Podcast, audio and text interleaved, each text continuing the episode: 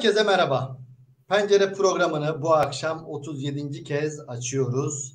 Emre ve Sinan ile birlikte hazırladığımız programımızda bu akşam çok farklı, çok kıymetli bir konuğumuz var. Güvenç Dönmez. Kendisini birazdan detaylıca anlatacağım ama şu bilgiyi vermeden giriş yapmak istemiyorum. Güvenç benim İzmir Fen Lisesi'nden devrem. Bu anlamda lisedaşım. Onun için onu konuk etmek ayrıca büyük mutluluk benim için. Güvenç hoş geldin, onur verdin. Hoş bulduk. Teşekkürler çağırdığın için programına.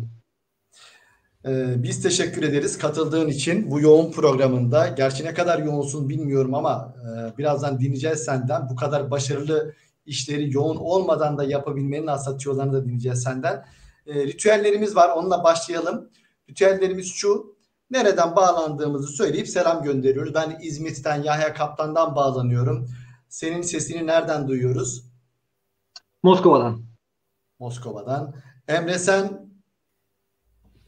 Çekmeköy. Sinan? Ben de Tekirdağ'dan. Tekirdağ'dan ağırlıyoruz. Artık bizim lokasyonlar sabitlendi. Konuklarımızla beraber renk atıyor. Bizi dinleyenler de nereden katılıyor onların da sesini en azından yorumlarda duyabilirsek çok mutlu oluruz. Güvenci kısaca tanıtmak istiyorum. Kısaca diyorum çünkü bir saati kendisine ayarsa, ayırsak dahi e, yaptıkları için muhtemelen yeterli gelmeyecektir. İzmir Fen Lisesi'ni üçüncülük de kazanıyor Türkiye üçüncülüğü. Ardından Türkiye üyesi olarak ÖYS'yi kazanıyor. Üniversite sınavlarını kazanıyor. İş hayatına PNG'de başlıyor. PNG'de ve Samsung'da küresel rollerde e, pozisyonlarda rol alıyor. Ardından Rusya Domino's Pizza'nın başına geçiyor ve o dönem 19 şubeyle başladığı yolculuğu 200'ün üzerinde şubeyle bitiriyor. Ve Rusya Domino's Pizza'yı halka arz ediyor borsada. Ardından şu an Rusya'nın en büyük gıda teknoloji şirketlerinden bir tane şirketinin daha doğrusu şirketlerinden de değil Delivery Club'ın CEO'su kendisi. Ve e, Delivery Club'da e, Yandex'e karşı e, üstünlük sağlayan önemli bir teknoloji şirketi ve kendisi aynı zamanda en iyi 10 CEO arasında gösteriliyor teknoloji şirketleri arasında Rusya'da. Tabii ki bununla bitmiyor. Kendisi aynı zamanda girişimci. Bir gıda zincirleri var. Türkiye'de kurulmuş ve Big Baker ismi. E, yolunu düşerse yiyin derim. Çünkü Hürriyet Big Baker'ı en iyi hamburgerciler listesi arasında gösteriyor. Bu tarafta da güzel bir başarısı var. Forbes, Harvard Business Review gibi saygın platformlarda yazıları var yayınlanan. Kendisi bir melek yatırımcı. Startuplarla ilgileniyor. Onlara yatırım yapıyor. Yetti mi? Yetmedi. Aynı zamanda farklı şirketlerde yönetim kurulu üyeliği var. Ve de çok iyi bir aile babası. Biliyorum takip etti, ettiğim kadarıyla ve aynı zamanda bir sporcu her sabah saat 9 ile 10 arasında tenis oynuyor haftanın 6 günü. Şimdi saymakla bitmez derim ya bunları nasıl yaptığını duyacağız ama Güvenç e, dediğim gibi seni de anlatsak bir saat sürer. Farklı konularda senden bir şey duymak istiyoruz. E, ilk etapta bütün bunları nasıl yapabildiğini duymak istiyoruz. Çünkü e, şimdi bir kitap okuyorum İbn Sina'ya dair. İbn Sina'nın şu sözü gerçekten çarpıcı gelmişti bana. Hayatın uzunluğu mu önemli, genişliği mi diye soruyor. Yani ne kadar uzun süre yaşadığın değil ama yaşadığın süre zarfında yaptıkların aslında fark yaratır diyor. Sen bu genişlik açısından örnek bir kişilik aslında bizim önümüzdesin. E, bu anlamda e, işte birçok şey yaptın. E, paralel de yürütüyorsun bütün bunları ve ilk etapta senden bunun sırrını duymayı çok isteriz. Yani birçok insanın dahi tek başına yapmakta zorlandığı birçok şeyi aynı anda yapabilmenin özü, sırrı nedir? Bize anlatırsan çok mutlu oluruz. Çok teşekkürler öncelikle bu soru için. Ee, ben direkt anlatayım size metodumu. Bu öyle Ee, bir dakikada gelişen bir şey değil. Ee, yaklaşık ben 20 yıldır çalışıyorum. Yani 20 yılı geçti. Ee, üniversitede başladım ben çalışmaya. Daha ikinci sınıfın sonunda başladım ve e, onda konuşuyoruz sonra. Onda özel bir sebebi var. Dersiye tamamıyla bırakıp çalışmaya başladım çünkü. Yani e, Amerika'da olsa college dropout olacaktım herhalde. Ama e, Türkiye'de diploma alabildim yani. Ee, benim e, yani böyle ilk e, 10 belki 15 yıl 16 yıl falan gayet standart geçti yani hani e, evet başarılarım vesaire oldu ama herkes gibi e, çalıştım. Yalnız belli bir noktada tabii e, hayatımda e, özellikle bir e, takıldım. E, takıldım derken de e, çok büyük bir iş aldım. E, çok stresliydi. E, yani çok büyük hedeflerim vardı. Özellikle bu Samsung'da gerçekleşti. 2000 13 2015 yılı arasında. Yani tam kariyerimin 13. 14. yılında. Ve e, aile hayatım çok etkilenmeye başladı. Yani kızım vardı, e, buçuk yaşındaydı ve e, daha yeni doğmuştu. Şu anda hani iki çocuğum var. Ama o zaman yeni doğmuştu ve e, yani eve geldiğimde pesif durumdaydım. E, çok stresliydim. E, işte bizim hani e, yanlış kavrulmuş hani e, burnout dediğimiz e, durumları yaşıyordum. Uzatmayayım. E, bu durumda bir şey değiştirmem gerektiğini fark ettim. Ve e, şunu fark ettim. E, birincisi e, o güne kadar hep kariyerimi ve başarıları e, ön plana koymuştum ve bunları kendime öncelik olarak e, almıştım. Önceliğimi değiştirdim. E, hayatımda birinci öncelik olarak ailemi ve mutluluğumu almaya karar verdim. Ve kariyer başarımı ikinci plana atmaya karar verdim. Ve bunu yaptığım anda da e, hayatımda çok büyük bir değişiklik oldu. E, birinci olarak yani aynı anda hem işte mutlu olamayıp da hem de e, aile hayatında e, olmamak, çok geç çalışmak vesaire bunun gibi herkesin yaptığı hataları yapmak yerine e, ben en azından dedim ki aile hayatımda başarılı olayım. Çünkü şöyle düşündüm. E, iş hayatında başarısız ol, olursam e, o bir e, plastik top yani düşer sonra geri kalkar. Ama aile hayatında başarısız olursanız ya da mutsuz olursanız o bir e, kristal top. O düştüğü zaman kırılıyor. Öyle olduğu için bunu önceliklendirmeye karar verdim ve gözümü kristal topa diktim. Ve bununla ilgili ilk yaptığım şey de şu oldu. Tabii onca yıl boyunca bir sürü kitap okudum. E, kişisel e, ge, e, gelişmeyle ilgili vesaire. O yüzden eşime gittim ve dedim ki e, seni daha mutlu etmek için benim ne yapmam lazım? E, sen benden ne istiyorsun diye sordum ve e, bana çok bariz cevaplar verdi. İşte e, sabahları e, kızımı okula kızımızı okula götür. Ondan sonra hafta sonları benimle beraber yürüyüş yap. İşte hafta içi mutlaka bir kez e, dışarı yemeğe gidelim. Sadece ikimiz gidelim. İşte çocuklar kalsın evde gibi. Çok basit şeyler söyledi. Sonra ben bunların hepsini aldım. Bunu bir plana koydum. Bunu bir rutin içine koydum. Sonra rutini yaparken şöyle bir şey fark ettim. E, çok kısa bir şekilde. E, bütün günümü 15 dakikalara böldüm. Ben zaman neye harcıyorum acaba diye merak ettim. Sonra o 15 dakikaları kategorilendirdim. Kişisel zamanım, kişisel gelişim zamanım, arkadaşlar olan zaman, sporla ilgili zamanım vesaire vesaire. İşe harcadığım zaman tabii ki. Aileye harcadığım zaman ve eşimle birebir zaman, romantik zamanımız diye ayırdım. Ve sonra bunun analizini yaptığım zaman işte e, toplam bütün yaşadığım zamanı alıp e, onun e, bizim audit dediğimiz bir auditini yaptım. Ve buna baktığım zaman şunu fark ettim. İşe çok zaman gidiyor. Eşimle hiç zamanımız yok. Aileye biraz zaman gidiyor. Kişisel gelişime hiç zamanım kalmamış gibi. Ondan sonra e, ve bu durumda işte o 15 dakikaları e, işe ayırdığım zamanı azalttım.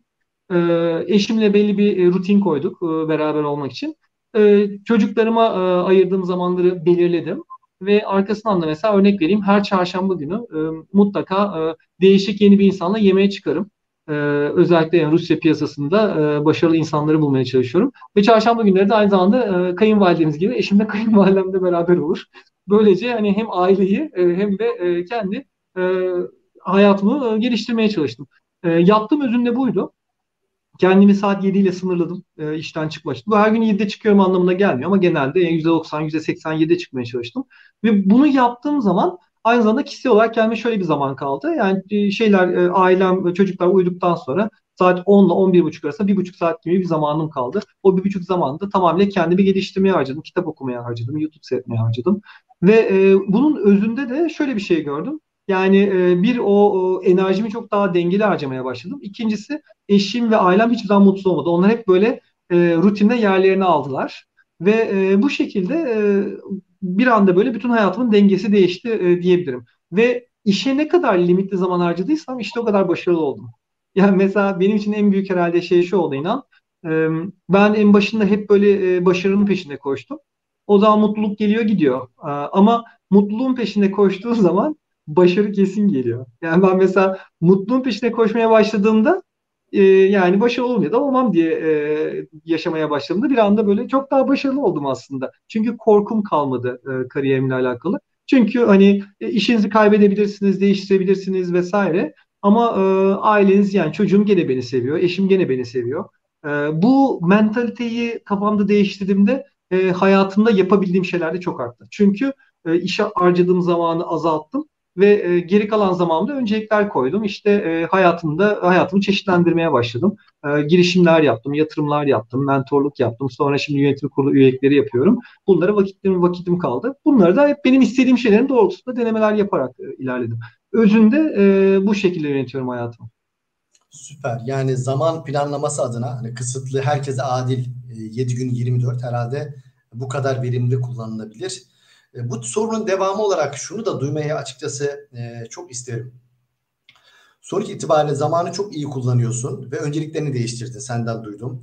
İşten ziyade önce aileyi koydun ve de başarıdan önce de mutluluğu koydun. Ve bu ikisini paralelde yaptığın zaman bir şekilde paradigmalar değişiyor aslında. Diğer taraftan şunu da duymayı çok isterim. Sonuç itibariyle birçok şey yapıyorsun ve başarılı bir şekilde yapıyorsun. Yani tepe yönetimdesin. Ee, çok saygın yayınlarda yazılar yapıyorsun. Yönetim kurulu üyeliği yapıyorsun. Startup melek yatırımcısın. Yani devamı da gelir. Bütün bunları yapabilmek için de insanın da bazı noktalarda kendini beslemesi gerekiyor. Bilgi, donanım açısından. Senin anlattıklarından şunu çok kıymetli olduğunu düşünüyorum. Katılır mısın bilmiyorum ama eklemeler de mutlaka vardır. Bir kere haftada bir hiç senin gibi olmayan insanlarla tanışmak çok büyük artı diyorum. Bütün bunları başarmak adına. Ee, bunun dışında neler yapıyorsun? Kendini donatmak ve güncel tutmak adına onu da duymayı çok isteriz. Tabii ki. Öncelikle e, şeye geliyorum, rutine geri dönüyorum. E, şöyle bir soru soruyorum. E, hiç hayatınızda şeyi ölçtünüz mü? kendinize ayırdığınız gelişmek için zamanı ölçtünüz mü? Yani haftada kaç saat ayırıyorsunuz kendinizi geliştirmeye? Bu çok önemli bir soru. Benim için bu 18 ila 20 saat arasında. Şimdi işe 40 ila 45 saat harcıyorum haftalık işime. Yani bu gündüz işimden bahsediyorum. Yönetim kurulu üyeliklerinden bahsetmiyorum. Ama 18 saatim kendimi geliştirmeye harcıyorum. Yani şöyle düşünün. Şimdi bir e, olimpik sporcu düşünelim. Ne kadar zamanını eğitime harcıyor? ne kadar zaman e, e, e, egzersize harcıyor ve ne kadar zamanını gerçekte yarışmak için harcıyor diye bakalım. Ben e, o 18 saat boyunca aslında diğer 40 saatin provasını yapıyorum. E, kendimi geliştirmeye çalışıyorum. Bu bir. Yani o 18 saat çok önemli, 40 saat çok önemli. Yani mesela 60 saat çalışırsınız, kendinizi geliştirmeye bir enerjiniz kalmaz. Zamanınız birincisi kalmaz. İkincisi enerjiniz kalmaz. Çünkü vücudun ve beynin dinlenmesi de gerekiyor. Bu bir. İkincisi e, benim herhalde en büyük süper gücüm ee, ki yani e, süper güç derken şu anlamda göresel olarak süper gücüm. Çünkü diğer insanlar bunu çok yapmıyorlar gördüm. Ben kitap okuyorum. Yani mesela şu anda belki de son derece e, böyle e, eski kaldı yani kitap okumak neredeyse. Ben kitap okuyorum. Yani kitap okumayı çok seviyorum. Hayatımda ne zaman bir problemim olsa hep kitap okudum inan. Ve e, şöyle kitaplar okudum. Mesela e, ne problemim varsa yani ilk defa satışta bir görev aldım ve pazarlık lara girmeye başladım yüksek seviye ve pazarlıkla ilgili hiçbir tecrübem yoktu. 26 yaşındaydım. Ve bir anda böyle yüksek yöneticilerle pazarlıklar yapıyorum. Pazarlık kitap okudum. Yani nasıl pazarlık iyi yapılır diye. Sonra e, sahne korkum vardı. Konuşma yapamıyordum. E, nasıl konuşma yapılır kitabı okudum. Nasıl sunum yapılır kitap okudum. Yani, yani bir noktada kız arkadaşım beni terk etti. Hayatta ilk defa kalbim kırıldı. Böyle çok zor bir zamanmış o. İnsan terk edilmek çok kötü bir duyguymuş. Ondan sonra kırılan kalbinizi nasıl e, toplarsınız diye kitap okudum.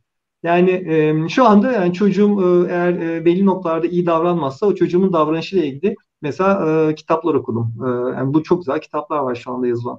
Yani özünde e, şöyle e, ortalama bir insan e, 200 kelime bölü dakikayla okuyor. Benim e, süper gücüm küçükken 13 yaşında e, hızlı okumayla ilgili eğitildim. E, kendimi de eğittim babam sayesinde.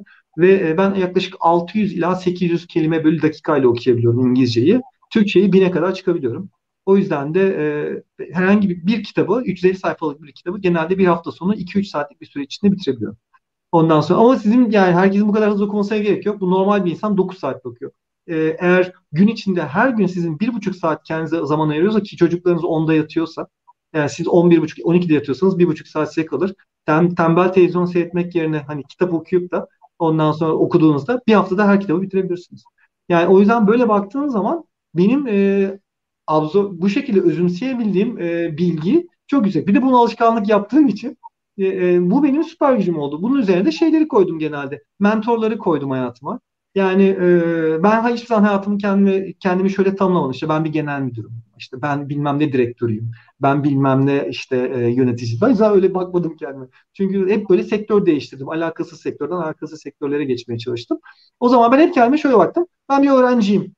Yani bu sektörün öğrencisiyim. Benim öğrenmem gerekiyor. Nasıl öğrenirsin? İnsanlardan öğrenirsin. O yüzden de o sektördeki en iyi insanlara gidip onu öğretir misin dedim. Bugüne kadar da benim gördüğüm şey e, genelde e, karşınızdaki insan gerçekten e, bir psikopat ya da sosyopat değilse genelde evet diyor. Yani siz ondan tavsiye istediğinizde öyle ya da böyle sana bir zaman veriyorlar ve ben o zamanları güzel kullanmaya çalıştım.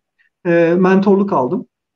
Ve genelde bu ikisini birleştirdikten sonra e, bunlar bana tabii düzenli olarak kendimi geliştirmemi sağladılar. E şimdi bunun üzerine şimdi YouTube geldi.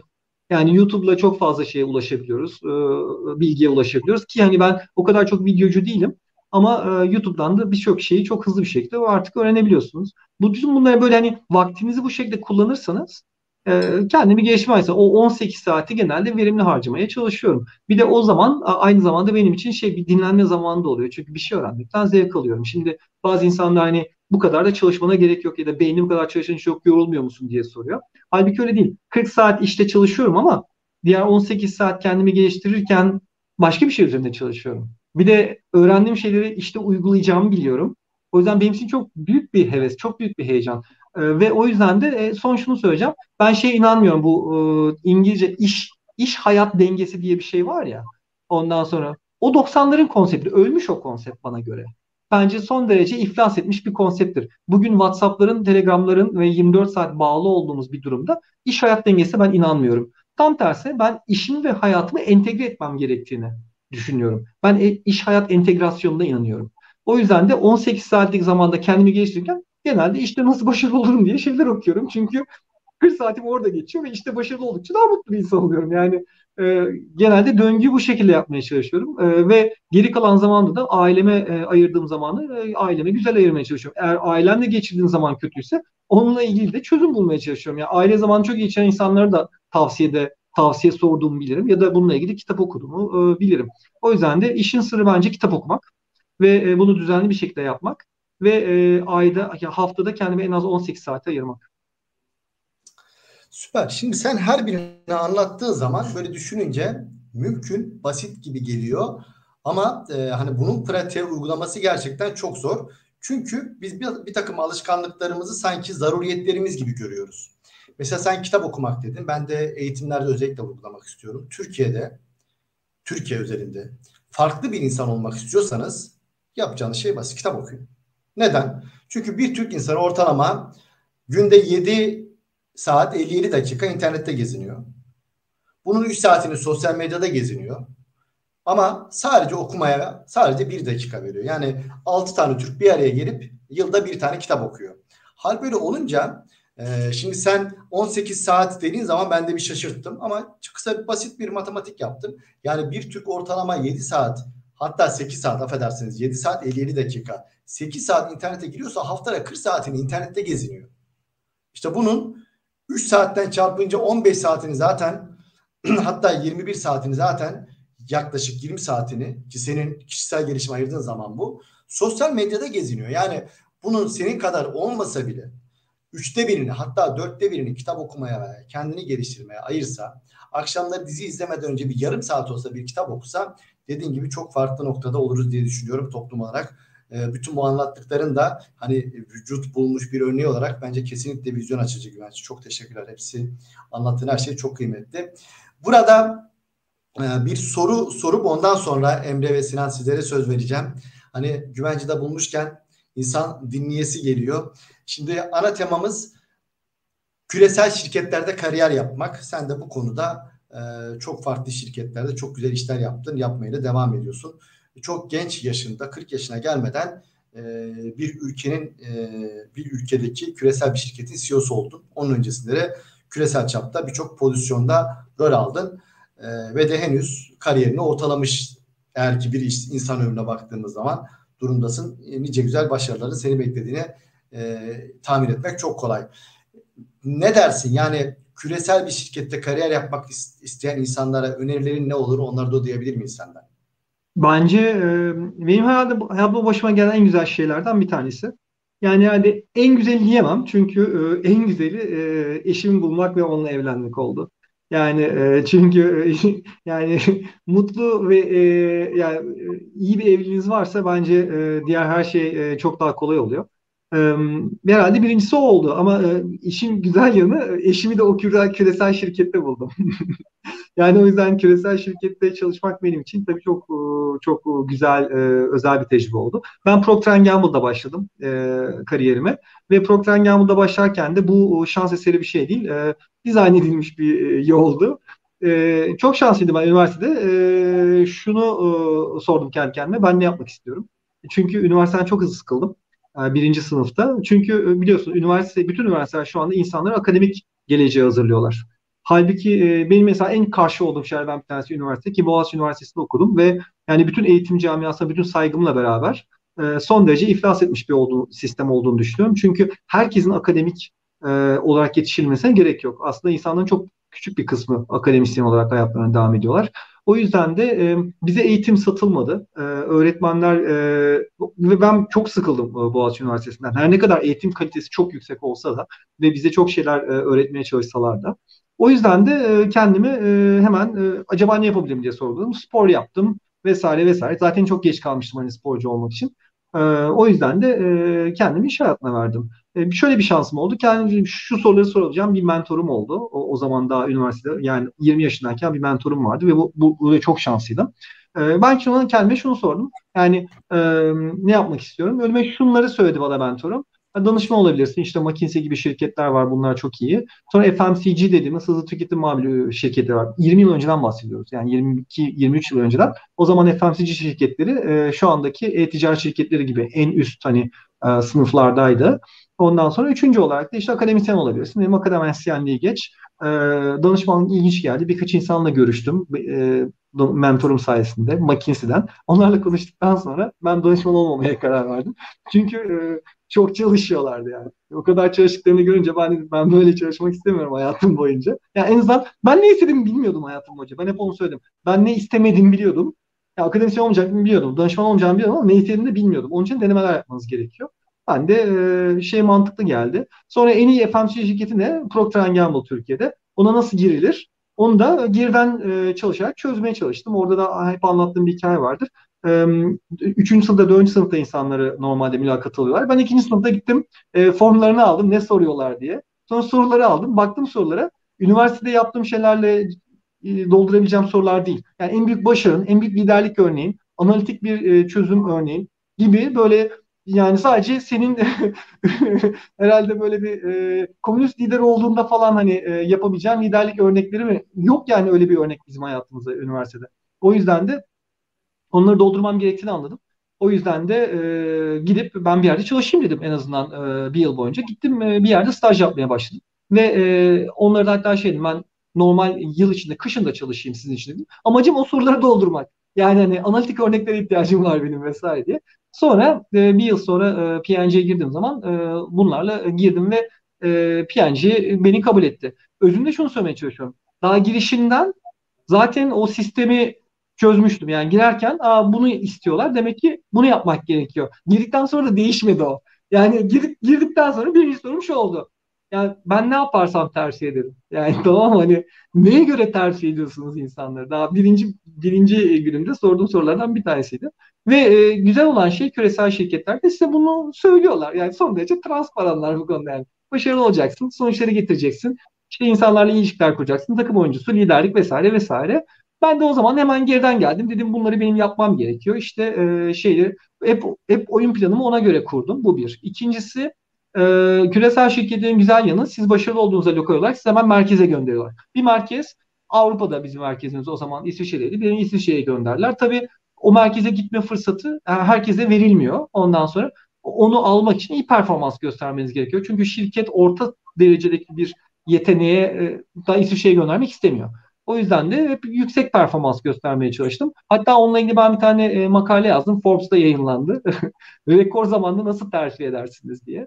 Ondan sonra e, şey bunu da tamamen küresel sistemdeki öğrendiklerimle yazdım. Gene geriden geldim böyle işte. İlk şunu sordum. Kim karar veriyor? Bir komite bir araya geliyor. Okey tamam ondan sonra kim var bu komitede? Şu şu insanlar var. Tamam. E peki ben bu insanları tanımıyorum çünkü onlar benim departmanımda bile değil. Ben onlara şimdi nasıl onlara karşı izlerim? E işte proje yapacaksın. Hani genel proje yapacaksın. Onlarla ilgili de olursa onlara böyle güzel hani izlenim bırakırsan tamam mı? Ee, ha işte e, onlar da seni böyle dışarıdan başarılı görürlerse o zaman oyların artıyor. Yani işin sırrı oy toplamak. O, ondan sonra bu bir. İkincisi yaptığın işi iyi yapacaksın ama herkes çok iyi yapıyor. Yani herkes benim gibi zaten. Tamam Herkes seçilmiş de gelmiş. Öyle olduğu için hani yaptığım işi yaparak çok zor ayrılmam yani diğerlerinden. O yüzden de şeyi anladım. Benim hani diğer karar vericilerle de iyi geçinmem gerekiyor. Resmen böyle bir, belli anlamda politika yapmanız gerekiyor ama o politika kötü, böyle kirli bir kelimedir. Kirli anlamda söylemiyorum. İyi anlamda söylüyorum. Yani sizin sizi destekleyen insanların grubunu artırdığınızda sizin etki alanınız artıyor. Ben bunu çözdüm ve bunu da iki herhalde şirketin ikinci yılında çözdüm. Ondan sonra işte e, rekor zamanda terfi aldım şirkette. E, rekor zamanda terfi alınca tabii şirket daha sonra beni İsviçre'ye gönderdi. İsviçre'ye gittiğim zaman e, bu sefer 60 ülkeden sorumluydum. 250 milyon dolarlık bir bütçem vardı. İşte saç bakım kategorisindeydim. E, orada eşimle karşılaştım e, ve e, yani mesela eşimle aynı şirkette çalışıyordu ve orada aldığım şeylerden bir tanesi şu oldu. 60 ülkeden insanla çalışıyorsunuz ama iş yapmanın temellerinin ne kadar aslında aynı olduğunu gördüm. Yani o güne kadar ben hep şey diyordum. Ya ben bir gün gideceğim işte Suudi Arabistan insanlarla nasıl çalışabilirim? Ya da İngilizlerle nasıl çalışabilirim? Bir de Türklerin içinde her zaman belli bir aşağılık duygusu vardır. Aşağılık, şey, aşağı kompleksi vardır. Yani işte e, gelen bir turiste ne kadar güzel davranırız değil mi? Ondan sonra hep böyle aa onlar İngiliz, onlar Amerikalı ben onlarla nasıl İngilizce konuşacağım şimdi diye hep böyle korktuğum şeyler vardı. Korktuklarım başıma geldi. Yani mesela şeye gittiğim zaman, İsviçre'ye gittiğim zaman benim e, müdürümün bana ilk söylediği şeylerden bir tanesi senin İngilizcen bayağı kötü dedi bana. Sen tartışmayı bilmiyorsun dedi. İngilizce'de. Ondan sonra ben hemen oturup ne yaptım? yaptığım ilk hareket şu oldu. Gittim o zaman Amazon'dan 3 haftada geliyordu. Amazon'dan kitap ısmarladım 5 tane. Ondan sonra işte e, nasıl daha iyi konuşursunuz, nasıl tartışırsınız, nasıl başarılı olursunuz tartışmalarda gibi kitaplar okudum. Ve e, İngilizcemi geliştirdim. Ve e, zaten sadece İngilizce okuyordum. Ve İngilizcemi öyle bir seviyeye getirdim ki yani İngilizlerle Amerikalılarla tartışırken herhangi bir evet belki hani telaffuz olarak onlardan geride kalıyor olabilirim ama içerik olarak onlardan asla geride kalmadım. E, çünkü o zaman e, net düşüncemi onlara aktarmayı öğrendiğimde bu aslında daha sonra benim süper güçlerimden bir tanesi oldu. Yani e, küresel şirketin bana verdiği en güzel şeylerden belki bir tanesi oldu. Daha sonra işte e, eşim e, Rus. O yüzden evde İngilizce konuştuğum zaman e, dilimiz daha da gelişti. Ve sonra e, şirket bizi Rusya'ya gönderdi. Yani ve e, benim hayatım ve kariyerim Rusya'da devam etti. Küresel şirketin bence verdiği şeylerden bir tanesi de perspektif ve fırsatlar. Yani e, Türkiye'de dönebilirim, dönebilirdim. Türkiye'ye dönmedim. Rusya'ya gittim ve iyi ki de e, buraya gelmişim. Çünkü hani burada hayatım e, çok ilginç bir şekilde ilerledi. Yani özünde şunu söylemek istiyorum. E, küresel şirketlerde devam edebilmek için bu biz ona şey diyoruz, meritokrasi diyoruz. İyilerin ileri gittiği bir ortam. Piramitte sürekli süzülmeniz gerekiyor. O yüzden şöyle düşünün. Mesela her bizim benim zamanımda her 5 ürün müdür yardımcısı biz ona ABM diyorduk. Assistant Brand Manager. Her 5 ürün müdür yardımcısından bir tanesi brand manager oluyordu. Çünkü sadece içeriden alıyorlar, dışarıdan almıyorlar. E daha sonra şöyle bir şey çıktı. Her 13 brand manager'dan bir tanesi e, direktör olabiliyor dediler. 13'te biri olmanız lazım. Yani hani öyle bir sürekli yarışa giriyorsunuz ki burada e, tabii ki sadece iş sonuçları e, yeterli olmuyor. İş sonuçlarının dışında da başka şeyler gerekiyor. O yüzden de o bana şunu getirdi. Yani sadece işte başarılı olmak değil, organizasyonda, liderlikte, diğer insanlarla e, koçluk yapmakta. Ondan sonra e, ve e, bizim e, gerekli hani e, karar vericilerle e, iyi ilişkiler e, kurmakta e, çok büyük yetenekler geliştirdim e, sadece o sistemi çözebilmek için. Bence küresel şirketlerin verdiği şeylerden bir tanesi de bu. Ve sonuç olarak da hani e, uluslararası bir şekilde hayatıma e, devam ettim bu sayede. Süper. Yani birçok not aldım. Şimdi böyle bir toparlamak gerekirse öncelikle e, mentörünün e, kariyerinin başında bir mentor sahip olmak bence çok büyük fark yaratmış sana. E, ben de e, mentöre sahip olmanın çok önemli avantajlar sağladığına şahit olmuş, deneyimlemiş bir insanım. Çünkü onun yaşadıklarını e, veya yaşadığı bir takım olumsuzlukları, başarısızlıkları, duvara çarpmaları yaşamadan daha hızlı yol alabiliyorsunuz. Akıl hocası gerçekten burada kıymetli. Diğer taraftan bence şey çok çarpıcı. E, geriden takip etmek. Yani birinci sınıfta gidip PNG'nin e, başvuru formunu alıp ya ben PNG'ye gireceğim ama ne yapmam gerekiyor diye iki sene öncesinden bakmak basit ama çok az insanın yapabileceği bir şey. Bir vizyon bu. Güvenç. Bu anlamda e, hep bu örneğini de anlatırım sana. İki sene içerisinde ya demek ki okulda öğrendiklerim değil, okul dışında yaptığımların da ben fark yaratacağım diyerek kariyerine bu şekilde başlaman, gittiğin şirkette nasıl terfi edilir onu sorgulayıp onları kendine katmaya çalışman, iş sonuçları kadar insan ilişkilerine değer vermen ve de aynı zamanda karar vericilere de yakın durman. Aslında bütün bunlar böyle hepsi altı çizilesi şeyler. İnan orada şunu da anlatmak istiyorum. Bunun kişisel bir e, bunun için kişisel bir bedel ödüyorsunuz. Yani ben kişisel bir bedel ödedim. O ödediğim şimdi böyle anlatınca çok güzel görünüyor tamam mı? Aa ne kadar güzel hepsini doğru yapmış falan gidiyorsun da aslında hep e, onlar gider Mersin'e sen gider tersine gibi durumdasın. Çünkü e, terfi etmek için Aa, şu şu insanlarla iyi işler kurmam gerekiyor dediğimde diğer insanlar güvenç politika yapıyor diyorlar. Halbuki o politikanın gerekli olan bir yetenek olduğunu fark etmiyorlar. Ve sonra o kazandığın yetenekler sonra iş hayatın boyunca ileride senin kaynak almanda, ondan sonra önde durmanda, e, kredibilite kazanmanda çok çok e, önemli oluyor. Ama o o noktada diğer insanlardan bu çok büyük sosyal baskı yiyebiliyorsun. Ya da ikinci bir örnek vereyim. Yani ben e, ikinci sınıfta e, staja giderken işte o zamanlar takım elbise giyiyordu. Ben takım elbiseyi giyip böyle çıkarken işte e, Boğaziçi'nin çimlerinden yürürken insanlar sağdaki soldaki insanlar bira içerlerken çimlerde o zamanlar e, öyle bir ortam vardı.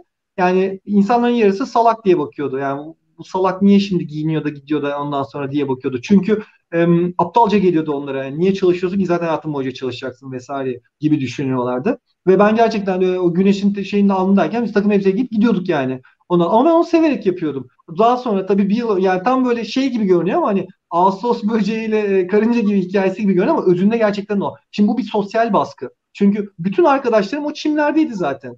Yani e, onları bırakıp ben gidiyordum. O yüzden orada aslında bir bedel e, ödüyorsun. E, evet. Diğer insanların yaptığı şeylerin dışında bir şey yapıyorsun. E, evet. O yüzden de o, bu çok da romantik e, bir e, yol e, değil her zaman. Belli bir derece so, toplum baskısını ya da o sosyal baskıyı dışlamak gerekiyor. Kesinlikle. Yani bütün bu anlattıkların sanki sonuçta başarı ama her biri için mutlaka burada anlat, anlatmadığın birçok bedel vardır. O e, sosyal baskıyı da çok e, iyi e, tahmin edebiliyorum. E, çünkü siz farklı bir şeyler yaparak farklı konumlara gelebilirsiniz. Senin örneğin bunu anlatıyor zaten. Zaten farklı bir şeyler yaptığınız zaman da toplumda yediğiniz ilk damga değişik. Yani bir şekilde sizi farklı bir yere koyup e, sıfatlar yakış, yap, yapıştırıyorlar, yakıştırıyorlar. Bunlar çok şaşırtmadı. Peki e, Emre ve Sinan sizlerden de şimdi duymayı çok istiyorum. E, merak da ediyorum cevaplarınızı. E, Sinan senden başlasak. Aynı soruyu ardından Emre senden cevaplamanı rica etsem. Her ikinizin de e, e, sektördeki başarı hikayelerini, başarılı olmuş insanları okuduğunuzu, takip ettiğinizi çok iyi biliyorum. E, şu soruyu sorsam. Küresel şirketlerde Türk veya yabancı e, tepe yönetime gelmiş insanların ortak özellikleri nedir diye sorsam cevaplarınız, gözlemleriniz nasıl olur? Sinan senden başlayabilir miyiz? Teşekkürler İnan. E, Güvenç hoş geldin bir kez daha. Yani yarım saat oldu. Hakikaten büyük bir e, ne diyelim e, merak ve aynı zamanda heyecanla dinliyorum e, anlattıklarını. Ve hatta şunu hissettim. Hani bir soru sordun ya bize. E, onu da cevaplamadan geçmeyeyim. Yani vaktimizin ne kadarını acaba kişisel gelişime harcıyoruz? E, biz belki yine şanslı azınlıktayız diyebilirim. Hani biz Emre ve İnan'la bu yolculuğa çıktığımızdan beri e, çok şanslıyız ki iki haftada bir böyle çok değerli konuklar ağırlıyoruz. Ya ağırlamadığımız zaman da baş başa aslında kafa yoruyoruz bazı konularda ve bunun öncesinde ve tabii ki sonrasında e, çok önemli hazırlıklar ve ne diyelim okumalar oluyor. okumalar sayesinde hem öğrenmeye devam ediyoruz hem de e, konuklarımızdan çok şey öğreniyoruz, notlar alıyoruz. Onların üzerine kafa yormaya devam ediyoruz, yazmaya devam ediyoruz. Bugün de e, senden çok şey öğreniyoruz. O yüzden e, çok da memnunum. Ben zamanda şunu hissettim. E, belki İnan'la Emre de ona da katılırlar. Böyle bugün 37. program ama sanki bir ilk 36 programın böyle bir özetini dinliyormuş gibi hissettim. Yani bizim özellikle altın çizdiğimiz işte sürekli öğrenci olmak, kitaplardan beslenmek, farklı insanlardan, farklı bakış açılarından öğrenmek noktalarını böyle o kadar güzel bir e, vücut bulmuş halesin ki e, yani doğru yolda olduğumuzu veya doğru mesajlar verdiğimizi ve bu mesajların sonunda hakikaten e, başarılı örneklere e, ulaştığında görmek beni çok mutlu etti e, ve hani başarının devamını diliyorum öncelikli olarak bunu e, söylemek istedim. E, arkasından e, inanın sorusuna geleyim. Hani e, ben e, kendi bakış açımla hani küresel şirketlerdeki yöneticilerin e, ortak özellikleri nedir dediğim zaman e, kendi hikayemden çok kısaca bir başlayayım. Benim ilk iş deneyimim küresel bir şirkette oldu. E, ben yüksek lisansını Almanya'da yaptım ve yüksek lisans sırasında e, daha senin gibi belki daha öğrencilik zamanında çalışmaya başladım. E, Bayer firmasında. Bayer firmasında önce uzun zamanlı bir staj arkasından da master tezi deneyimim oldu. Yaklaşık bir yıla yakın bir Alman firmasında ama çok internasyonel bir ortamda çalıştım. Leverkusen'da Hani e, ekipte Almanlar vardı tabii ki ama işte uzak doğulular da vardı, Hintliler de vardı ve bu karma bir e, işte Avrupalılar da vardı. Onlarla beraber çalışma şansım oldu. E, ve orada gördüğüm ve yavaş yavaş orada kafama yer etmeye başlayan o farklı bakış açıları, farklı kültürlerin aslında o global şirketlere kattığı zenginliği gördüm. O zenginliğin aslında ortaya koyduğu katma değerleri gördüm. E, temelde benim gördüğüm hani global şirketlerin o zenginlikle aslında doğmuş oldukları ve bu sayede çok daha farklı bakış açılarını, farklı fikirleri, yaratıcılığı, e, belki ön yargısız olmayı, varsayımları arkada bırakmayı, bu şirket böyle yapılmaz yaklaşımlarını biraz daha e, baskılayabildiklerini gördüm. Bu tabii ki e, basamakları çıktıkça liderlik seviyesinde biraz daha kendisini göstermeye başlıyor. Dediğim gibi hani o piramidin tepesine çıkma yolculuğunda bunu daha içselleştirebilen, bunu daha samimi bir şekilde yapabilenler ön plana çıkıyor. Yoksa dediğim gibi herkes başarılı, herkes performans hedeflerine koşuyor, herkes e, ne diyelim e, iş hayatında veya özel hayatında benzer hedeflere ha- sahip ama bunu gerçekten samimi bir şekilde, sahici bir şekilde yapabilenlerin ön plana çıktığını gördüm. Benim burada e, çok sevdiğim ve kullandığım bir kavram var. Belki Güvenç senin de yaklaşımını ve bakış açını burada duymak isterim. Bu e, hizmetkar liderlik kavramı. Hani bu servant leadership denilen kavram böyle hani biraz böyle kelimesi o hizmetkar kelimesi çok böyle hani kulağa değişik geliyor ama benim gördüğüm gerçekten yani kendisini biraz daha arka plan tutmayı başarabilen biraz daha beraber çalıştığı arkadaşları ön plana koymayı başarabilen ve onları destekleyebilen, onların başarısını e, ne diyelim daha görünür kılabilen bir liderlik tarzı aslında bu. Çok yeni bir kavram değil. Yani Lao Tzu'ya kadar gidiyor. E, böyle Çinli felsefe e, felsefe tarihine kadar gidiyor aslında. Kendisini biraz daha kontrol edebilen, kendisini biraz daha geri planda tutabilen, görünmez olmayı başarabilen liderlik tarzı. Bugün dünyasında biraz daha 1970'lerde e, hayatımıza girmiş Robert Greenleaf tarafından tanıtıl, tanıtılmış bir kavram aslında hizmetkar liderlik ama benim gözlemim aslında özellikle küresel firmalarda bunun biraz daha önemsendiği, biraz daha ne diyelim e, ön planda olduğu. Bununla ilgili e, senden iyi olmasın çok iyi bir örneğim var. E, QNB Finans Bank e, Bankası'na ben e, eğitim verme şansım oldu danışmanlık yaptığım dönemde. E, oranın insan kaynakları direktörü. E, çok çok iyi bir örnek. Yani Cenk Akıncılar, bilmiyorum belki e, tanıyorsunuz veya herhangi bir platformda tanışma şansınız olmuştur. E, hizmetkar liderliği böyle özümsemiş, bunu banka genelinde, e, o küresel banka, QNB Finans Bank'ın özellikle o küreselleşme yolculuğunda böyle bir şirketin ana motosu haline getirmiş bir kişi. E, çok da güzel bir örneği. O anlamda benim gördüğüm hani bu e, hizmetkar liderlik kavramının nedense e, biraz daha küresel firmalarda biraz daha e, ön planda olduğu diye ben böyle kısa bir e, kendi bakış açımı vereyim. Belki Güven sen de bu da ileriki zamanlarda. Sinan, Sinan bence benim ben hemen görüşümü paylaşayım bu konuda. Bu e, hatta yani biraz daha e, renk atayım olaya.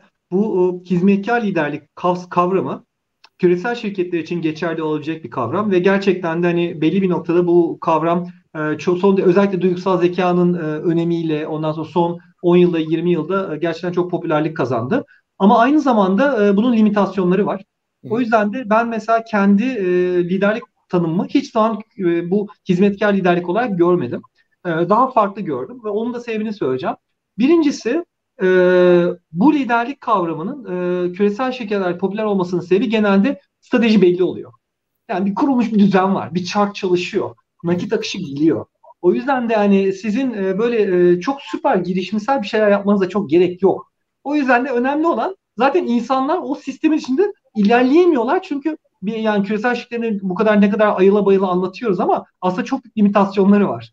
Limitasyonlarından bir tanesi de insanlara alan vermiyor, otonomi vermiyor, girişimsel e, çabalarının e, ödüllerini vermiyor. Öyle olduğu için de yani bu hizmetkar lider kavramı çalışıyor. Neden? Çünkü siz arkada durup insanların önünü açmaya çalışıyorsunuz. Onlar da koşuyorlar. Zaten nakit akışı geliyor. Nakit akışı geldiği için de hani insanlar da e, ilerletiyorlar bunu ve hani herkes mutlu. Ama mesela ben e, ve ben böyle çalıştım. Procter Gamble'da böyle çalıştım. Samsung böyle ondan sonra ve bu çalışıyor. Ama e, Domino's Pizza'nın 19 tane dükkanını yönetmeye çalış başladım. e, eksi, eksi %30 e, şirketi aldım ben eksi %30 zarardaydık. Ben şirkete girdiğim zaman şirketin e, kar zarar tablosu daha da değişti. Benim maaşımı et, et, eklediler çünkü. daha da aşağı indi. Yani ve ben birinci ayımda e, şeyle uğraşıyordum. Ya, hizmetkar liderliği bir geçelim. Ben nakit bulmaya çalışıyordum. Yani bankalardan maaşları ödemek için. yani ondan sonra şimdi öyle durumlarda bu hizmetkar liderlik kavramı bir e, çalışmıyor. O yüzden e, orada da şu öne çıkıyor. E, akıncılar. yani orada sizin bayrağı elinize alıp e, ileri gitmeniz gerekiyor. O yüzden bulunduğunuz ortamla çok alakalı ve bulunduğunuz durumla çok alakalı. Ama küresel şirkette çok girişimci bir şey yapıyorsunuzdur. O zaman da öne çıkmanız gerekebilir. Benim genelde gördüğüm böyle krizsel durumlarda ya da çok böyle hani bir, ne yapılacağını belli olmadığı durumlarda e, daha bayrağı eline alıp önden gitmek gerekiyor. Colin Powell'ın benim aşık olduğum bir lafı var. Kendi askerlerinizden sizin kendi yapamayacağınız hiçbir şey isteyemezsiniz der. Ve ben örnek vermek istiyorum. Ben Domino's pizzayı aldığımda bir tane dükkanımız vardı. O ortalama işte e, haftalık 350 sipariş yapıyoruz. Bini göreceğiz. Yani bin görmek böyle bir rüya gibi bir şey. Çünkü dünyada böyle bin demek yani büyük bir olay demek falan. Bir dükkan alıp ben bin yapacağız dedim. Herkes gülüyor bana. Tamam mı? Ondan sonra dedim bir dükkanı bin yapacağız. İki ayımız var. Bu bine götüreceğiz. İşte e, kimse inanmıyor tabii yani Rusya'da böyle hani güvenç geldi işte fantazileri var falan diye. Ben de aldım adamlarımla beraber gittik o dükkana. Her hafta gittim dükkana. Haftada 2-3 kez gittim, çalıştım, pizza yaptım. Ondan sonra işte e, motosikletlere binip dağıttım. E, böyle fotoğraflarımı boy boy yayınladım bütün şeyde e, Domino's Pizza iç iletişimlerinde vesaire. E, sürekli olmayan Rusçamla Rusça konuşmaya çalıştım. Videolar gönderdim. Beni sürekli elimde hamurla gördüler. Ondan sonra ama bir anda millet öyle bir gaza geldi ki yani böyle herkes benim olduğum o dükkanda çalışmak istedi. Ondan sonra o dükkana biz birazcık da bütçe verdik böyle arkadan da birazcık pazarlama yaptık vesaire. Sokaklara çıktık, kostümler giydim vesaire. Uzatmayayım. İki ay içinde biz 950 e, siparişe, üçüncü ayda 1000 siparişe geldik. Bir dükkanda insanları inandırdım bunu. Bir dükkanda inandırdıktan sonra 18 dükkan takip etti. Ee, yılın sonunda zaten hani e, şeyde yeni, yeni 20 tane dükkan açmıştık. Toplam e, sonra 4 yıl boyunca satışlarımız ikiye katlandı. Yani ben 4 milyon dolarda aldığım şirketi işte e, toplam 60 ila 70 milyon dolarası bir ciroda bıraktım. E, 4 yıl içinde. Bu bu bu bu işte mesela evet. bu hizmetkar hizmetkar liderlik örneği değil tam tersi. O yüzden durumla çok o, alakalı olduğunu düşünüyorum. Evet. Bazen bu, e, bazen çok gerekebiliyor. Tabiri daha net olabilir. Aynen. Durumsal liderlik değil mi? Buradaki belki de Durumsal liderlik olabilir. E, pas evet. olabilir buradan tekrar.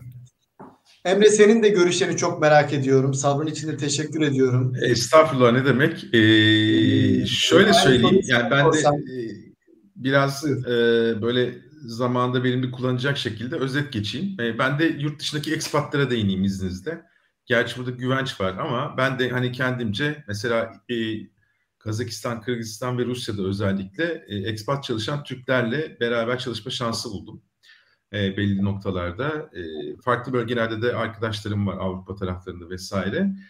Enteresan şekilde onların hayatında şu benim ilgimi ve dikkatimi çekti. Oraya giderken yani Türkiye'de bir şirket değiştirirken değil, yurt dışına giderken yeni bir ben olarak gitme motivasyonu ve eğilimini daha fazla gördüm. Bu bir cesaret mi ya da yeni bir hani maceraya atılırken o tabula rasa, boş bir beyaz sayfa açıyorum, e, hayatıma tarzında bir yaklaşım mı? Tam onu bilemiyorum ama e, o tarafta normalden daha fazla merak besleyen insanlar tabii oralara gidebiliyor. Bunu da bence gözlemliyorlar ama e, yeni bir kültüre karşı merak, yeni bir lisan öğrenme, buna vakit geçirmeden başlamak. E, mesela ben Rusya'da başladığımda Moskova'da benim de belli bir süre çalışma şansım olmuştu.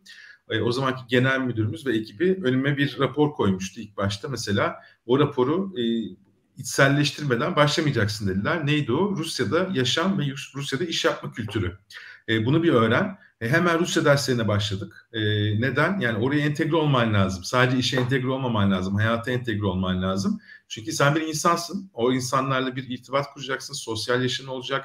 E, kendini dengelemen de lazım. Yani bu şeyi entegre ederek gideceksin. E, o noktada adaptasyon tarafında hem oraya giden insanların çok hızlı ilerleyebildiğini ki Türk insanının ben adaptasyon tarafında kasının çok güçlü olduğunu düşünüyorum. Ama bu merakla beslenecek bir şey. Farklı bir kültüre alışmak o kadar kolay değil eninde sonunda. E, bu adaptasyon çok ilgimi çekmişti. Heyecanla e, süren adaptasyon. Burada da e, Türk insanında iki tane özellik e, dikkatimi çekti yine. E, sahada daha fazla vakit geçiriyorlar. Yani insana temas yüksek oluyor. E, Güvenç'in anlattıklarında da aslında o var. İşte ne diyor? Saha indim, yemek yaptım, pizza yaptım, işte görsellerde kendim bulundum vesaire gibilerden. E, bir de insanları bir araya getiren, onlara ilham veren tarafta da Türkler, e, Türk çalışanların etkili olduğunu görebiliyorum. Bu belki her kültürde e, karşılıklı etkileşim meç etmeyebilir, e, eşleşmeyebilir ama benim tecrübe ettiğim yerlerde bu şekildeydi diyebilirim. Evet ve enteresan bir şey, e, bunu bazen farklı ekspatlarda göremediğim oldu Türkiye'de vesaire çalışırken. E, mer- sadece merkeze karşı değil, Türkiye'deki merkeze karşı değil mesela, çalıştığı ülkedeki insanda da güven yaratma. Yani o da onun için vazgeçilmez bir unsur oluyor. E, bence iyi bir entegrasyon, entegrasyon örneği sergiliyor Türk Ekspat'ta. En azından benim nacizane e, tecrübelerimde e, güvençini anlattıklarında da yani hayranlıkla dinledim gerçekten. Az bu şey değil gerçekten güvenç. Bunları bu kadar e, hafif e, alarak anlatmak da e, büyük bir meziyet. O yüzden ayrıca e, mütevazini tebrik ediyorum ama e, buzdağının altında inanılmaz büyük bir şey var. E, seni dinlerken bunlar aklımdan geçti. Kısaca özetledim. Kültürel adaptasyon konusunda ben de bir yorumda bulunmak istiyorum. Çünkü Lütfen. herhalde Rusya Rusya e, ve Türk kültürü, Rus kültürü ve Türk kültürü bazı açılardan birbirine çok benzemekle beraber iş anlamında çok çeliştiği yerler var. Çünkü hmm. özellikle e, çünkü Türk kültürünün Batılı kültüre daha yakın olduğunu düşünüyorum. E, çünkü daha çözümcü bir kültür ama e, Rusya daha kuralcı bir kültür. Şimdi e, bunun en büyük sebeplerinden ve bu, bu benim hayatımı en çok etkileyen şeylerden bir tanesi oldu burada. Çünkü bu kültürü anlamasaydım burada herhangi bir başarı şansı olamazdı. Ve e, bana çok ters geldi başlangıçta. E, iki tane şey söyleyeceğim bununla ilgili.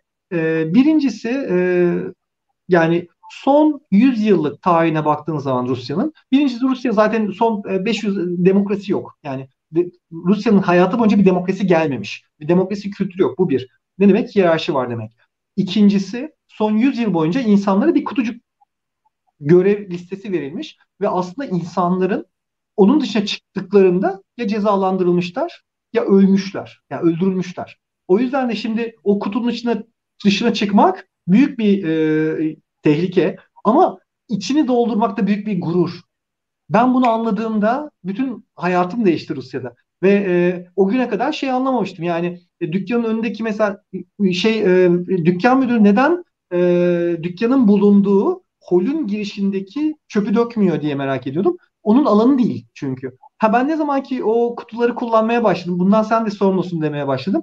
Birden böyle e, aydınlanma geldi. Ve e, ve onunla beraber onu ödüllendirmeye başladık. Yani insanlara inisiyatif almayı öğrettik aslında.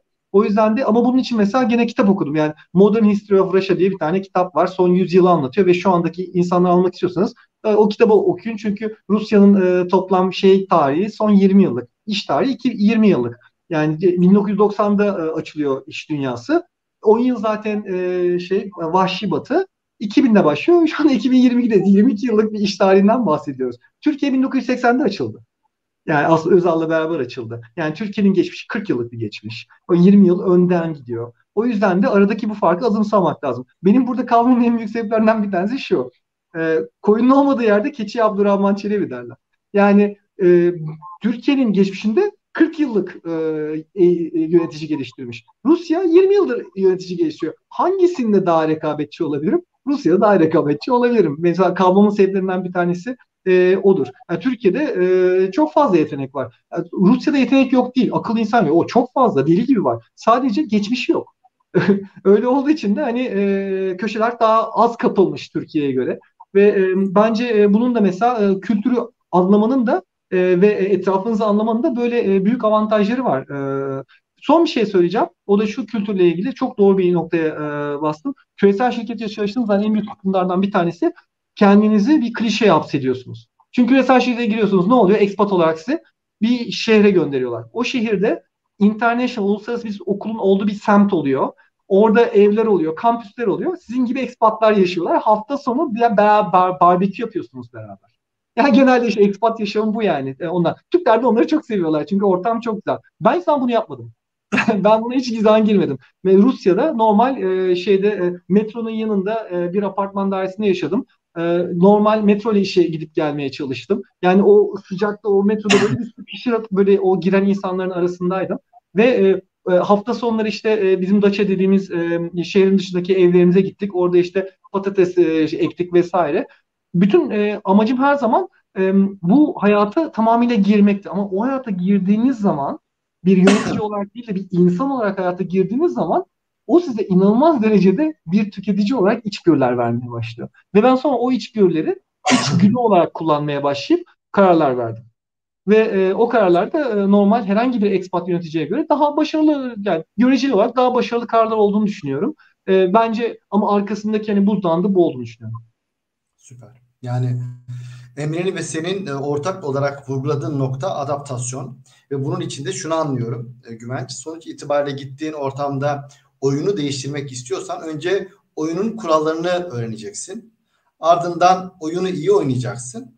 Ondan sonra oyunu ancak değiştirebilirsin. Aslında bunu çok güzel yapmışsın. Yani e, yine çok tevazuyla anlatıyorsun ve kesinlikle katılmadığım bir nokta var. Türkiye'de olsan bence çok başarılı işler yaparsın.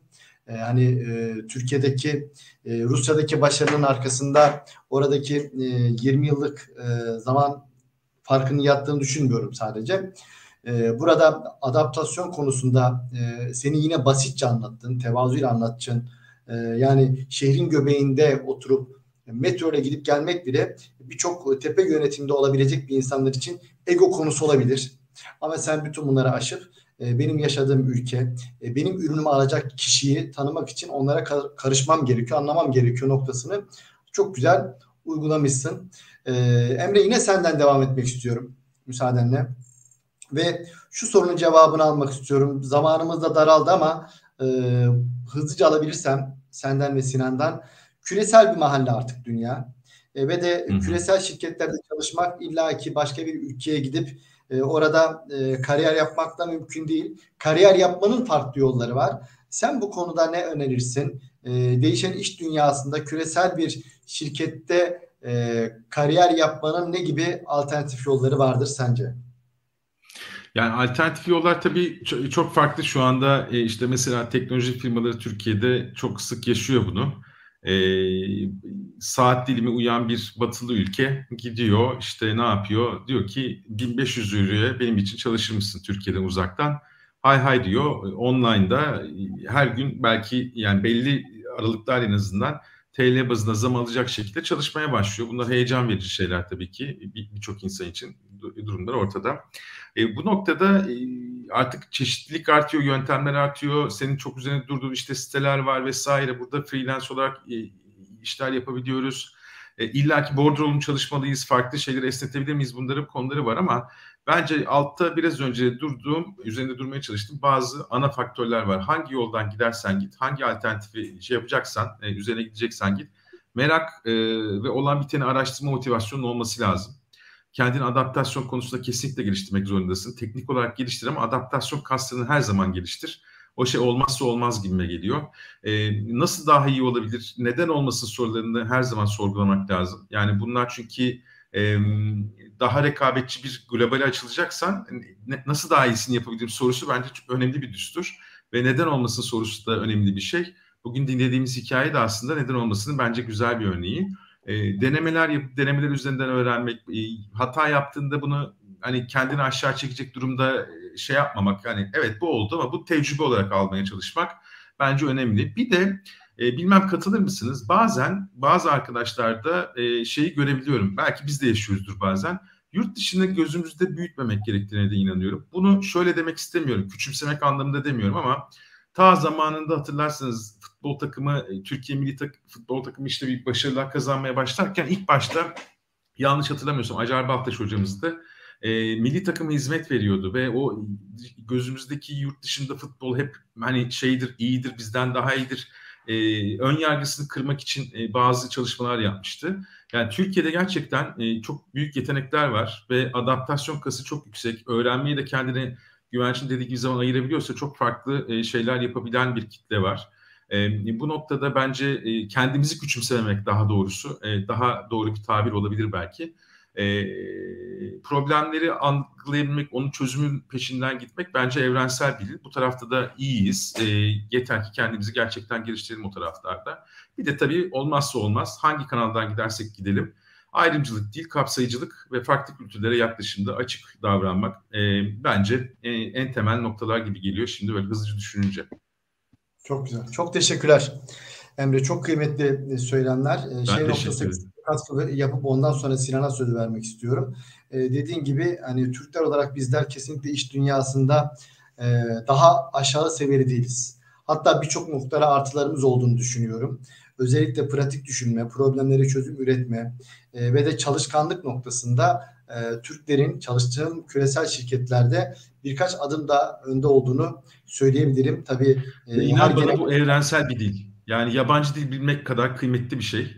Yani problemi tespit etmek, onun üzerine gitme cesareti e, ortaya koyabilmek vesaire bunlar gerçekten her ülkede geçerli bir lisan. Süper. Çok teşekkürler. Sinan senden ne dinleyebilir miyiz?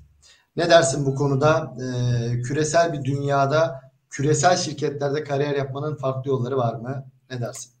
Ya ne kadar farklı olur bilmiyorum ama ben özellikle e, güvençten duyduğum bazı e, kavramları hatta bazı da diyelim alışkanlıkları e, şöyle özetleyebilirim. Doğru zamanda doğru soruları doğru şekilde sorabilmek. E, güvençin hikayesinde bence bu çok var. Yani kariyerin henüz başında e, yani çalışacağı şirketi seçerken de o şirketteki başarı hikayesini yazarken de sonrasında işte eşini seçerken de çalışacağı ülkeyi seçerken de hep doğru soruları sorduğunu ben e, hissettim en azından veya duydum diyelim anlattıklarından. E, o anlamda e, bu e, bu da aslında nerede çalışmak istediğinizle veya hangi e, ne diyelim e, global e, kurumda, ülkede e, veya organizasyona çalışacağınızla alakalı bir şey. Ve bunu e, sorgularken de belki de kendinize sormanız gereken bir konu. Demin e, bir kültür konusu açıldı. Ben de bununla toparlayayım e, açıkçası. Çünkü e, benim sevdiğim ve kullandığım bir model var. Bu da Hofstede'nin bir e, kültür e, boyutu e, çalışması. Ve bu burada aslında e, toplumların kültürünü beş boyutta değerlendirir ve sanki soracağımız soruları bu başlıklar üzerinden sorsak belki bulacağımız cevaplar bizi hani, alternatif yollara götürebilir gibi geldi. Birincisi güç mesafesi. Yani çalıştığımız kurumda veya çalışmak isteyeceğimiz o global ortamdaki e, örgütsel güç mesafesini iyi anlamak. O kuracağımız iletişimi kurgulamak adına. İkincisi e, kurumların veya toplumların belirsizlikten kaçınma seviyesi. Ne kadar deterministik oldukları, ne kadar e, belirsizlikle yaşayabildikleri, ne kadar belirsizlikleri işte demin Güvenç'in söylediği gibi hemen çözmemiz gerektiği konusunda o rollerin, tanımların ne kadar net olduğu konusu. Üçüncüsü ne kadar bireysel veya ne kadar kolektif hareket ettikleri. İşte Türk toplumuyla belki bir Amerikan toplumunu burada çok farklı uçlarda görebilirken belki işte çalışacağımız firmanın bir Avrupa firması olması veya bir Rus firması olması yine burada bizim yaklaşımımızı değiştirebiliyor. Dördüncüsü biraz daha farklı bir başlıkta ne kadar kadın egemen veya erkek egemen olduğu toplumların veya kültürlerin. E, bu belki iş hayatına yine farklı anlamlarla e, ne kadar maskülen veya ne kadar feminen kararlar verildiğine yönelik farklı e, teoriler de var. E, sonuncusuysa e, ben yine güvençten duydum. Ne kadar kısa dönemli veya ne kadar uzun dönemli düşündüğümüz e, bu belki e, toplumların veya şirketlerin veya yöneticilerin e, iş yapış şekillerini çünkü belirliyor. E, ve e, bu noktalarda e, çalışmak isteyeceğimiz kurumlarda veya toplumlarda veya örgütlerdeki e, ne diyelim e, ön plana çıkan kavramların farkında olabiliyor olmak ve buna göre kendimizi e, doğru soruları sorarak e, yönetebiliyor olmak, yönlendirebiliyor olmak bence başarıyı getiriyor diye düşünüyorum. O yüzden ben de kültürle madem girdik, kültürle bağlayayım dedim inan. Söz sende.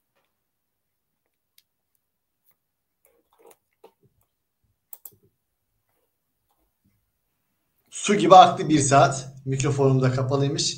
Kendi kendimi uyardım. ilk defa Emre'den uyarı yemedim. Estağfurullah. Çok güzel notlar aldım. Hani bir saatinde doldurduk. Dolu dolu geçti. Ama kapanışta da senden son e, bir şeyler duymak isteriz. Ne dersin? Kapanışlar olsa kısaca da olsa bize ne paylaşmak istersin Güvenç? Tabii Buyur. ki ben şimdi e, şunu paylaşmak istiyorum. Böyle gene böyle bir e, yani böyle soldan bir orta yapayım. Ee, biz hayatta yani hep başarıları konuştuk değil mi? Hani böyle nasıl başarılı olması, neler gerekiyor vesaire vesaire. Aslında e, benim hayatımda her başarı için en az böyle 3-4 tane falan başarısızlık var. E, hiç kimse onları sormuyor ama genelde. E, ben söylemek zorunda kalıyorum. Çünkü öbür türlü baktığınız zaman sanki böyle e, hep böyle e, üst üste tuğlalar koymuşuz gibi görünüyor. Aslında hayat öyle değil. E, yani mesela e, ben mesela hep böyle şirketleri büyüttüğümde bana hep şey der. Aa nasıl yaptın diye sorarlar ben e, bir grafik çizsem, büyüme grafiği şöyle bir grafiktir. Herkes şey zannediyor. Grafik böyle gidiyor zannediyor. Halbuki grafik öyle değil. Böyle bir yukarı çıkıyorsun, sonra feci düşüyorsun, sonra bir bocalıyorsun, sonra bir daha bir şey yakalıyorsun, sonra bir daha düşüyorsun, bir daha gidiyorsun. Yani aslında son derece e, dalgalı. E, o yüzden de e, deneme yapmaktan ve başarısız olmaktan korkmamak lazım. benim e, şirkette mesela getirdiğim en büyük kültürlerden bir tanesi Delivery Club'da şu anda ben 3 yıl önce şirketi aldım. 200 milyon dolarlık bir cirodaydık. Şu anda 2 milyar dolarlık bir ciroya geldik. Ve şirketi sattık rakibimize. Yani rakibimiz satın aldı şirketi. Çünkü pazar payında uçtuk gittik 70'lere kadar. Ve e, rakibimiz de şeydi yani e, hani almak e, rekabet etmekten daha ucuza geldi onlar için belli noktada. E, ve e, o dönem boyunca 3 yıl boyunca herhalde yaptığım e, hatalar, yanlışlar, ondan sonra öğrendiğimiz şeyler yaptı, başarılı olduklarımızın yanında bir 8-9 katıdır. Ama e, oradaki algoritma şu, e, başarı, o yüzden diyorum ya başarı peşinden koşmamak lazım, mutluluk peşinden koşmak lazım. Algoritma şu, e, biz ona İngilizce hep şey dedik, fail fast, hızlı başarısız ol hızlı başarısız olursan bir döngüye giriyorsun. Çünkü yeni dünyada ne şimdi üniversitede öğrendiğimiz, fen lisesinde öğrendiğimiz, e, kimya dersinde öğrendiklerimizi şu andaki hayatımızda uygulayamadığımız için e, sürekli bir şey öğrenip bir şey uygulama yani sürekli yeni bir yöntem bulmanız gerekiyor ve hayat çok rekabetçi. O yüzden de e, bunu ancak döngüsel yapabilirsiniz. Çünkü kitabı da yazılmıyor. Çünkü her şey çok hızlı gelişiyor. Mesela şöyle örnek vereyim. 2015'te ben e, Domino's Pizza'nın satışlarını e, online satışa başlatalım dediğimde How to do e-commerce diye bir kitap yoktu. How to start online sales bile yoktu. Yani tam performans marketingi kitaplar vardı yani. O yüzden de bunu deney yanıla e, yapmak gerekiyordu. Özünde aslında bunlar döngüler. Ondan sonra bu döngüler için e, bir deneme yapıyorsunuz. Başarısız oluyorsunuz. Daha sonra bunun yansıtmasını yapıyorsunuz, öğreniyorsunuz. Sonra e, bir sonraki adımınız muhtemelen daha başarılı oluyor. Hani e, doğru bir prosesten geçiyorsanız. Ben e, yani e, bütün bu süreç boyunca hep kariyerim böyle hep üst üste gitmedi. Yani örnek vereyim PM Procter Gamble'dan Samsung'a gittiğimde başı çok iyi gitti. Sonu çok kötü gitti. Samsung'un sonunda e, genel müdürüm değişti ve bütün pazarlama e, departmanını yeniden yapılandırdı. Beni işten attı. E, ben kovuldum. tamam yani e, kovuldum ve e, yani böyle e, bunu çok böyle kişisel aldım. Benim hatam bunu kişisel almaktı. Bu kişisel bu kadar almaya gerek yok. O yüzden diyorum ya yani şeyler toplar düşebilir. Bunlar plastik toplar. Ama ondan sonra hiç normalde girmeyeceğim. Startup tarzı bir dünyaya girdim. Çünkü kaybedecek hiçbir şeyim yoktu ki zaten kovulmuşum. Yani tamam mı? O yüzden yani eşim de bana şeydi. Benim maaşım var hani git risk alabilirsin dedi. Ben de gidip son derece e, startup ortamı çok riskli bir işe girdim. Yani dediğim gibi %30 zarar eden bir işe gidip e, hadi bakalım e, ben bunu çevireceğim falan diye girdim yani. O yüzden de e, hata yapmaktan korkmamak lazım. E, ben kovulmuş bir insan olarak söylüyorum. E, hem de yani bu kadar başarıya alışıktan sonra kovulmuş bir insan olarak söylüyorum. E, e, kişisel almamak lazım bunu. Öğrenmek lazım bundan. Yani neden oldu bu diye anla, anlamak lazım. Ve benim orada öğrendiğim mesela şeylerden bir tanesi gerçekten ben ne istiyorum ve nasıl bir yerde çalışmak istiyorum. Daha sonra bunları önceliklendirdim. Çünkü beni mutlu eden şeylerin bunlar olduğunu fark ettim. Sonra da e, bu startup ve girişimci dünyaya girdiğim zaman daha sonra teknoloji dünyasından devam ettim. Delivery Club'a girdim. Çok daha mutlu oldum ve ondan sonra da bunu yaptıkça da mesela teknoloji dünyasına gidip orada da daha mutlu oldukça bu sefer hani startuplara yatırımlar yapmaya başladım vesaire. Melek yatırımcı oldum gibi böyle hep bir sevdiğim şeylerin peşinden koşmaya başladım. Yani yine en başta dediğim gibi ne yapmak istediğini, istemediğinizi bildiğinizde yapacak şeylerin denemesini yapmak lazım. Beş tanesi başarısız oluyor. Bu arada yani şey de olmadı hani ben kendi şirketimi kurup da çok başarılı oldu falan değil. Yani şirket e, belli bir noktada o şirket de batıyordu. Yani e, hep o, o, onların da böyle çok romantik olmayan yolları var. O yüzden ben şöyle bitirmek istiyorum. Yani herhalde her başarı için dört tane başarısızlık normaldir. E, başarısızlıktan korkmamak lazım. Ama hızlı başarısız olup öğrenip bir ileriye gitmek gerekiyor. Bence başarıları bunlar getiriyor. Gerçekten e, hani bir saat daha dinlesek dinleriz seni Güvenç. E, yani değişir mi fikrim bilmiyorum ama e, mutlaka kitap yazmalısın diye düşünüyorum.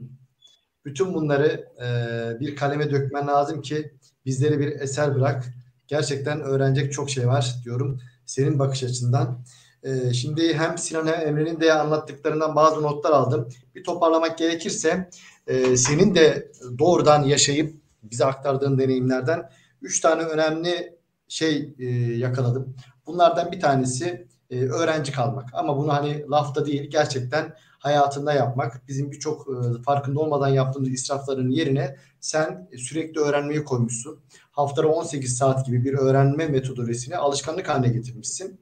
Ve bu da aslında bizlerin yaptığı televizyon izleme, sosyal medyada gezinmenin yerini sen çok daha faydalı bir şeye alışkanlığa bırakmışsın. İkincisi insan ilişkileri.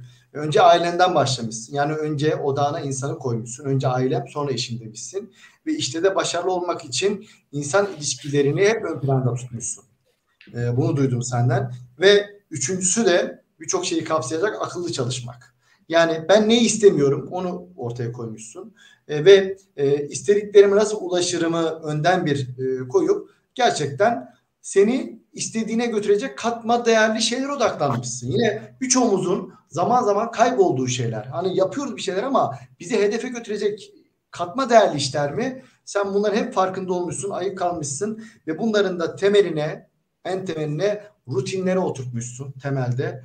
E, bütün bu işlerin arka tarafında e, rutinlerinde sadık kalmışsın, hiç vazgeçmemişsin ve e, fail fast çok güzel bir söz bence. E, denemekten korkmayıp tekrar ayağa kalkıp yolcuna devam etmişsin. Çok teşekkür ediyorum. Ağzına sağlık. Çok güzel bir yayın oldu. Ben çok şey öğrendim. Ee, yani seni burada konuk etmek dediğim gibi bir lise arkadaşım olarak da zaten benim için çok özeldi. İnşallah Türkiye'ye geldiğinde de oturup karşılıklı kahvemizi içeriz. Ee, Emre, Sinan sizlere de çok teşekkür ediyorum. Ee, katkılarınızla, e, verdiğiniz örneklerle değer kattınız. Ee, çok teşekkürler tekrar ve tekrar görüşmek dileğiyle iyi akşamlar diliyorum. İyi akşamlar. İyi akşamlar.